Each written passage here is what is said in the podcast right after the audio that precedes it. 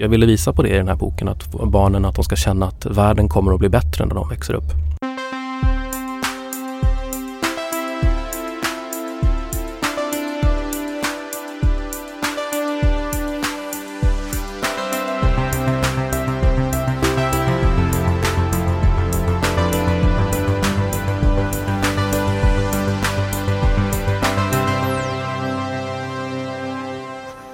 det har jag glömt många gånger. Tack så mycket.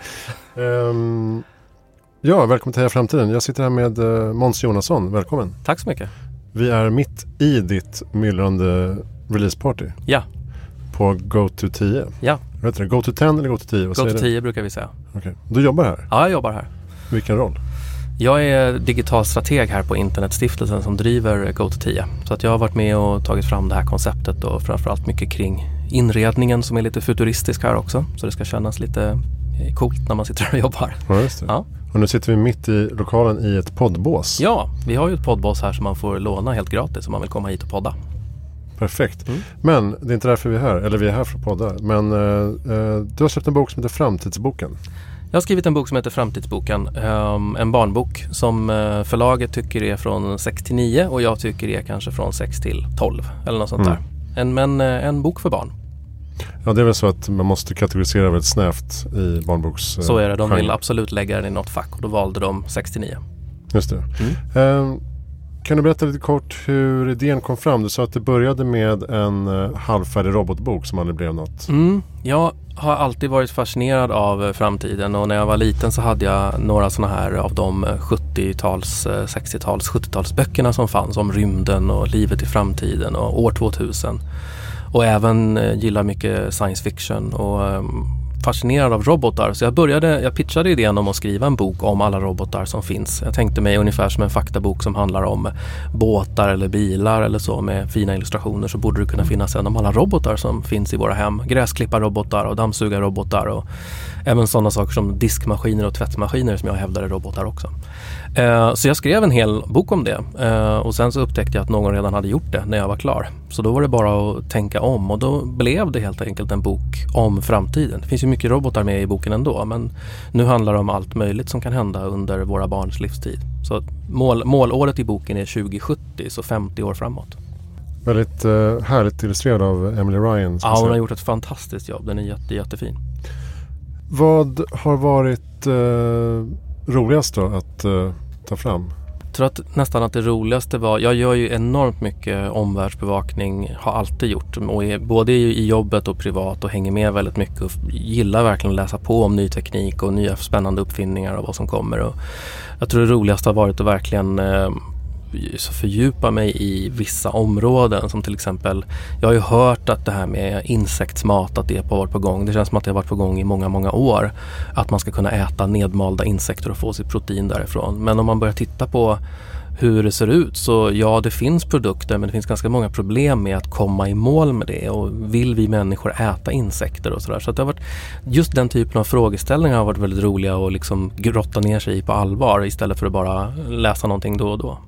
Och du har också pratat med eh, dina barns klass? Mm, jag var i två fjärde klasser eh, när mina barn gick i fjärde klass för att prata med deras eh, Ja med 60 barn helt enkelt i den åldern. Och vad, vad trodde de om framtiden och vad undrade de över framförallt? Fick ganska mycket idéer om vad de ville se för någonting i en bok den vägen. Okay.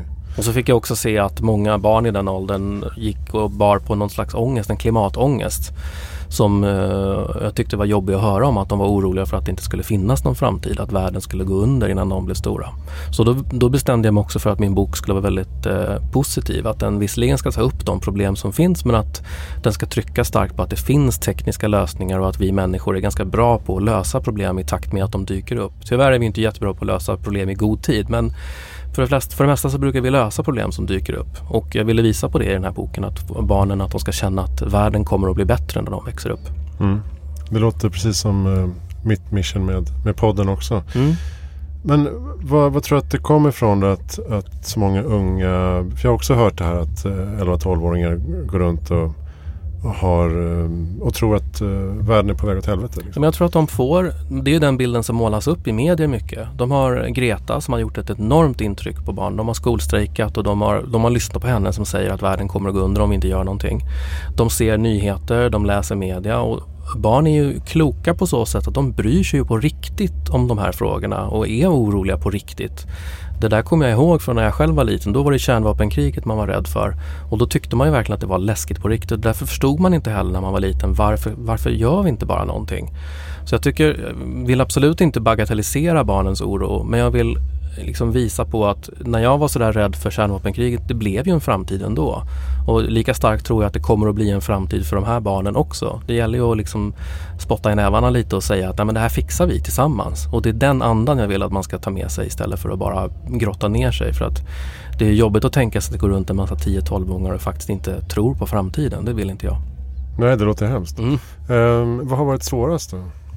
Svårast har nog varit att både att avgränsa sig. Det finns så enormt mycket man skulle kunna ta med i en sån här bok. Men också att eh, hitta en fin balans mellan fantasi och realism. Jag skulle ju kunna gjort en bok som var helt fantasibaserad och som bara var riktigt eh, out there och hittade på allting. Men jag ville någonstans att det skulle vara någorlunda trovärdigt och sannolikt. Jag ville att barnen skulle kunna läsa och känna igen saker i boken och säga att ja men det där har jag faktiskt hört talas om, det där vet jag är på gång på riktigt. Det finns inte nu men det är faktiskt på gång. Så just att hitta en balans mellan för det blir ingen rolig bok heller om den bara, bara behandlar sånt som redan finns idag. Jag skrev ganska mycket om självkörande bilar till exempel. Där har jag tagit bort ganska mycket därför att det vet alla barn redan om att det finns självkörande bilar. Så då började jag istället beskriva vad kan det dyka upp för problem om man har självkörande bilar i framtiden. Så att det var väl det som var utmaningen, att hitta en bra balans mellan roliga, knäppa framtidsspaningar och någon, någon slags realism. Ja precis, och jag tänkte på hur, hur mycket har du eh, viktat där mellan mellan faktiska prediktioner och din egen eh, ja, liksom, Jag, jag har försökt hålla det för 50-50. Det är ändå en bok för barn och jag vill att den ska sporra deras fantasi och att det ska vara riktigt knäppa roliga grejer som de, de känner. ska fortsätta? Ja, de ska gå igång och fantisera liksom. Så att jag har ju hittat på eh, att det kanske finns eh, eh, supersmarta bananer som smakar choklad i framtiden och som gör dig smart när du äter dem och så vidare. Jag har bara tagit ur luften men jag vill att det skulle vara någonting som sporrar eh, fantasin. För eh, diskussionen om smart foods och vad vi kan göra med genmodifiering är ju högst reell. Så att ta, ta sånt som finns i verkligheten och sen bara skruva till det lite så att de förhoppningsvis fnissar lite när de läser också. Mm. Så att, eh, men vad gör eh, Berätta kort vad Internetstiftelsen gör för de som inte känner till. Internetstiftelsen är en oberoende allmännyttig organisation som förvaltar den svenska toppdomänen .se. Så alla .se-domäner som finns på internet de är i någon mån köpta av oss. Och eftersom vi är en non-profit så går hela överskottet till att förbättra internet i Sverige på olika sätt. Så vi gör eh, statistikrapporter som vi släpper gratis. Vi, har, eh, vi driver Bredbandskollen där man kan testa sitt internet gratis och så driver vi till exempel den här platsen där vi sitter nu i Stockholm, GoTo10, där man kan komma och jobba gratis och inspireras av föredrag och så. Mm. Eh, Hammarby, Hammarby, säger man Hammarby Sjöstad? Här är Hammarby Sjöstad, ja precis. Mm. Ja. Väldigt trevligt. Uh, här har jag varit på uh, Stockholm Futurists också. Ja, just det. Ja. Jo, men vi har en, uh, förra året hade vi över 300 evenemang här på GOT10 så det händer saker nästan varje dag. Och det är också gratis kan man säga. Det är också gratis alltihopa. Det är fantastiskt. Um, vad är ditt bästa tips för att göra världen bättre i framtiden? Att faktiskt tänka på eh, att titta på vad man kan göra som, eh, vad mänskligheten kan göra tillsammans. Jag är inte så mycket för individuella prestationer utan jag är mycket för att tänka vad kan vi göra ihop? För jag tror att när vi gör saker ihop och när vi, när vi tar saker som faktiskt gör stor skillnad, då gör det som störst nytta. Eh, jag gillar folk som tänker ett steg längre, som inte bara slutar köpa plastpåsar på ICA för att de är rädda för att det är dåligt för klimatet utan faktiskt tänker över hur det kan påverkas i hela världen istället. Det blir lätt eh, att man tittar väldigt mycket på vad vi här i Stockholm eller vad vi här i Sverige gör och det är klokt och bra för det kan man ju lätt påverka på en gång. Men jag, jag, gillar när man tänker ett steg längre och funderar på hur kan vi förändra saker globalt? Och det gäller ju alltifrån alla utmaningar vi har, inte bara klimat utan fattigdom och eh, automatiseringen och alla utmaningar vi står inför. Har du ramlat på några bra lästips när du har jobbat med det här? Alltså jag älskar ju tidningen Wired och jag har läst väldigt många gamla nummer av Wired eh, mm. på nätet nu när jag gjort research för den här boken. Och det är en fantastisk källa. Det finns jättemånga riktigt, riktigt bra artiklar från både 90-talet och 00-talet som man kan gräva upp. Eh, så det skulle jag vilja rekommendera. För oftast så tycker jag man lär sig mera av att läsa historia än att läsa framtidsspaningar. Säger jag som just har skrivit en framtidsbok men det är ju nutidshistoria. Mm. Mm. Vem tycker att jag ska intervjua i Heja Framtiden? Oj, vem ska du intervjua? Um, ja, det vore ju kul att höra av digitaliseringsministern. Anders Ygeman till exempel. Mm. Där, där, kan vi snacka om framtid. Eh, det är en ett otroligt svår framtid tror jag för Sverige att hänga med i det globala racet nu när det gäller om vi pratar om jobb och digitalisering och hur vi ska stå oss. Och det vore intressant att höra hans syn på digitala framtiden. Bra, bra tips. Mm. Eh, tack snälla Måns Jonasson för att du tog dig tid. Så mycket. egen releasefest. Tack. Eh, gå ut och köp Framtidsboken eh, som finns på Rabén och Sjögren. Eh, jag heter Christian Valensen. På hejaframtiden.se finns allt du behöver veta. Tack för att du lyssnar.